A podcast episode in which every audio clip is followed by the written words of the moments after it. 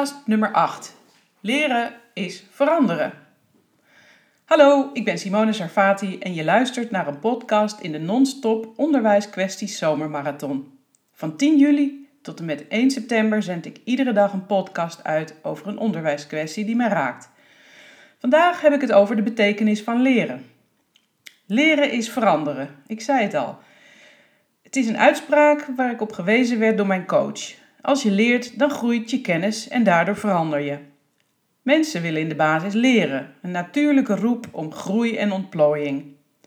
Nieuwsgierigheid siert de mens, vind ik. Daar maak je nog eens iets mee, op zoek naar nieuwe informatie, naar nieuwe plekken en ervaringen. Maar mensen hebben ook een tegengestelde hang, namelijk naar hetzelfde. Want als je weet dat je zo lekker eet bij Friet van Piet, waarom dan op zoek naar frikandel van Nel? Het antwoord? Je zou eens teleurgesteld kunnen raken en je weet wat je hebt. Hier zitten uitgebreide psychologische processen onder waarover vast heel veel is geschreven. In mijn zoektocht vind ik de eenvoud echter eventjes belangrijker op dit moment. Zo zijn er denk ik twee principes bij de afweging tussen nieuwsgierigheid en het vasthouden aan het bekende. Deze principes zijn liefde en angst. Nu niet meteen afhaken als je denkt dat dit zweverig gaat worden, want dat wordt het niet. Eigenlijk blijft het heel simpel. Als je ergens bang voor bent, angst, dan blijf je zitten waar je zit. In mijn voorbeeld, voor de rest van je leven eet je friet van Piet. Hou je van jezelf als iemand die uitgedaagd wil worden? Liefde? Dan probeer je die frikadel. Want bij Nel ontmoet je misschien ook nieuwe mensen met nieuwe smaken. Het ontdekken komt op gang en roept nieuwsgierigheid op. En zo beland je uiteindelijk misschien wel in het restaurant van het Amstel Hotel. Je verandert, je smaak verandert en je gedrag verandert. Het bestaat niet dat je leert zonder te veranderen, want iedere nieuwe impuls doet iets met je. Net zoals voortdurend dezelfde impulsen je nooit in een verandermodus zullen zetten, maar op de bank houden. Het was niet Einstein die het zei, maar ik vind het mooi. De definitie van waanzin is altijd hetzelfde blijven doen en toch een ander resultaat verwachten. Met deze uitspraak in het achterhoofd maak ik een brug naar het onderwijs, de sector die erop gericht is om informatie over te dragen, dus om een bijdrage te leveren aan het leren en dus aan het veranderen van mensen. Maar behalve leer- en werkopbrengsten wordt het beeld van het onderwijs vandaag de dag vooral beheerst door verwarring. Daar ga ik wat dieper op in. De verwarring die op dit moment plaatsvindt in het onderwijs heeft te maken met veranderen. De wereld verandert en wij veranderen daarin mee. Het onderwijs dus ook. Maar laat veranderen nou net een van de moeilijkste dingen te zijn voor mensen. En dat komt omdat we dan denken dat we alles moeten loslaten wat we altijd al deden. Maar dat is natuurlijk niet waar. Je hoeft niet al het bekende los te laten. De werkelijke opdracht of uitdaging is dat je met de dingen die je hebt geleerd doorstapt dat je je ervaring gebruikt om verder te komen, om te ontwikkelen wat nog ontwikkeld moet worden. Eigenlijk moeten we leren om anders om te gaan met dit nieuwe moment. Daarover straks meer. Ik ga nog even wat dieper in op de verwarring. Wie en wat is er allemaal verward? Nou, ik begin bij de leraren. Verwarring bij de leraren. Want het is een onontwarbare kluwe geworden waar het onderwijs steeds verder in verstrikt raakt en leraren hebben daar zoveel last van. Dat is te zien in de klassen. Leraren geven steeds vaker aan overbelast te raken door de expertise die van ze wordt verwacht en al het werk wat erbij komt. Er komt ook veel bij, want op school sluiten we aan bij wat leerlingen nodig hebben. En als de tijd verandert en de maatschappij verandert, moeten we dus ook mee veranderen. Maar er gaat niets weg van wat we al deden. Dus er komt alleen maar bij. Het heeft dan niet veel zin om te blijven zitten. Ik zeg, kom in actie. Want waar leraren gelijk in hebben, is dat ze lang niet al toegerust zijn op wat van ze verwacht wordt. En dat klopt denk ik wel. Eenmaal aan het werk worden leraren geconfronteerd met leerlingen met heel uiteenlopende en gewikkelde onderwijsvragen. Ik vind het logisch dat je daar niet altijd antwoord op kunt geven. Want al in de jongste groepen van de basisschool zien we kinderen met echt complexe onderwijsvragen en hulpvragen het onderwijs instromen. Je kunt niet alles weten. Behalve de veelheid aan pedagogische en didactische vragen die dagelijks op het schoolbord geschoven worden, horen we ook over de toenemende druk op administratief werk. Waar ik echt serieus mee kan denken over onderwijs inhoudelijke druk op leraren, val ik bijna om als het gaat over de administratieve werkdruk. Niet omdat die er niet is, nee, dat klopt wel, er is veel te veel administratieve werkdruk. Maar omdat ik het echt niet te begrijpen vind hoeveel leraren uh, er heel veel tijd achter computers moeten zitten om alle bewegingen van leerlingen te plannen en te registreren. Volgens mij is dat echt doorgeslagen. Wat ik ook niet begrijp, is dat in deze tijd waar ICT in staat is om drones in te zetten voor het bezorgen van pakketpost, het maar niet lukt om een handig digitaal administratiesysteem door te voeren in het onderwijs, wat administratieve handelingen beperkt tot een minimum. Dus dat je niet op verschillende systemen dezelfde informatie moet invoeren.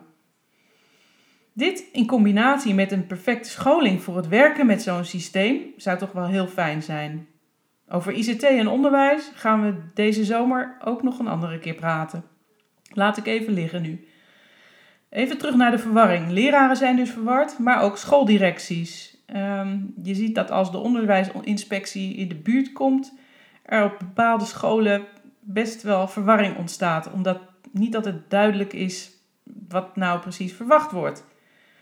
Daarin zien we de inspectie wel mee bewegen, maar alsnog, het is altijd wel een verwarring bezorgende activiteit.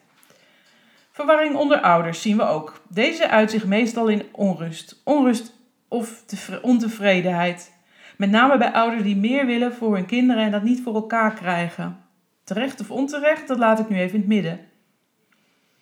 Verwarring in de bestuurskamers. Even kijken. Nou, ik ben wel eens in bestuurskamer geweest die voor echte onrust toch wel iets te ver afstonden van de scholen. Dus daar kan ik niet zo heel veel over zeggen. Verwarring in Den Haag dan. In Den Haag? Nee, daar heerst geen verwarring. De wijsheid is daarin pacht. Alleen vergroot deze de onrust door het opvoeren van tijdsdruk, werkdruk en ander ontregelend gedoe.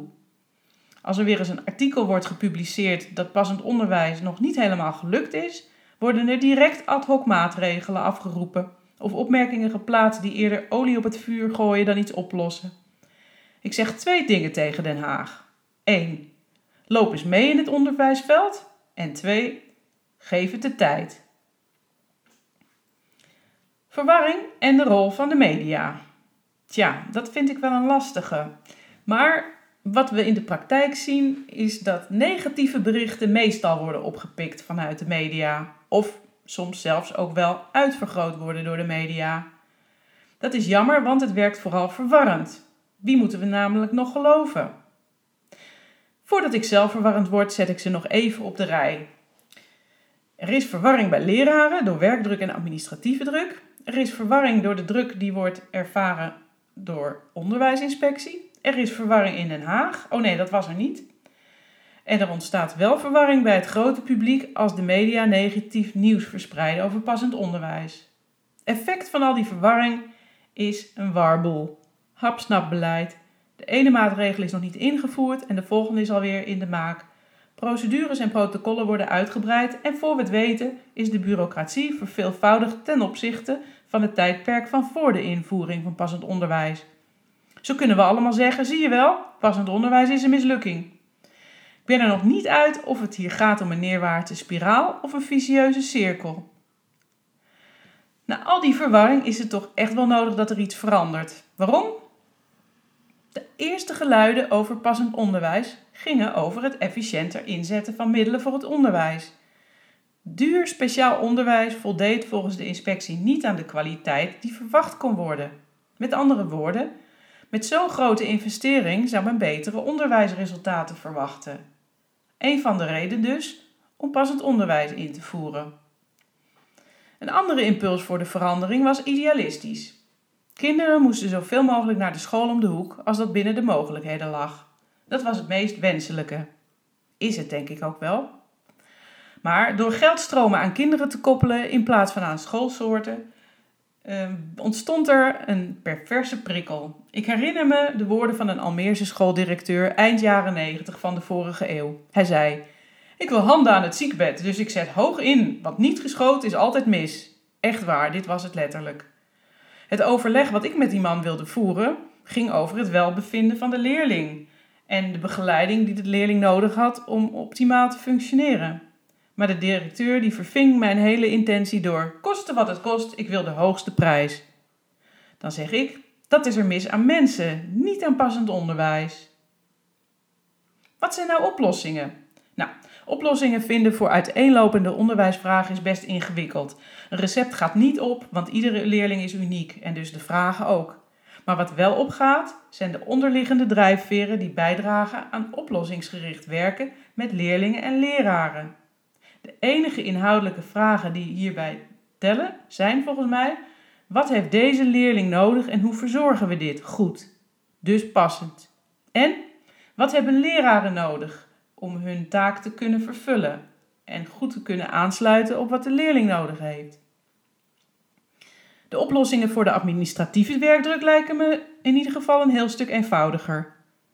Ik doe maar gewoon een paar suggesties. 1. Bepaal als schoolmedewerker wat relevante administratie is. Weet wat je wil administreren, wat je wel nodig hebt en alles wat je niet nodig hebt, schrappen. Kan ik makkelijk zeggen, dat weet ik wel, maar het geeft misschien wel te denken als je daar met deze ogen naar kijkt. De tweede is: zorg voor goede administratieve systemen en investeer in ICT. Daarbij is het zeker nodig, en dat is mijn derde suggestie, dat tegelijkertijd wordt geïnvesteerd in scholing voor de medewerkers die met de systemen moeten werken. Er wordt in het onderwijs al veel te lang en veel te snel vanuit gegaan dat iedereen wel snapt hoe het werkt. Maar dat is gewoon niet zo. En net als leerlingen moeten ook de leraren, de mensen die er moeten werken, uitgelegd krijgen hoe het werkt, dat administratieve en dat technische gedoe. Daarvoor waren ze nooit opgeleid. En het is niet iedereen's hobby. De vierde vind ik, nou, vind ik wel de allerbelangrijkste. Geef ontwikkeling de tijd. Niet eventjes gauw iets nieuws invoeren. Net als ontwikkelen heeft leren en veranderen tijd nodig. Goed, tot zover de onderwijskwestie van vandaag. Ik hoop dat jullie het een interessante vonden. Wil je een keertje meedoen met de opname of heb je een onderwijskwestie die je met mij wil opnemen? Stuur dan een mailtje naar simone.servati.nu. Je kunt deze podcast ook delen of je abonneren op de hele serie. Weet dat ik het waardeer en weet ook dat je meer informatie over passend onderwijs kunt vinden op mijn website www.sarfati.nu. Sarfati met PH en IE. Bedankt voor het luisteren, een zomerse groet en tot morgen!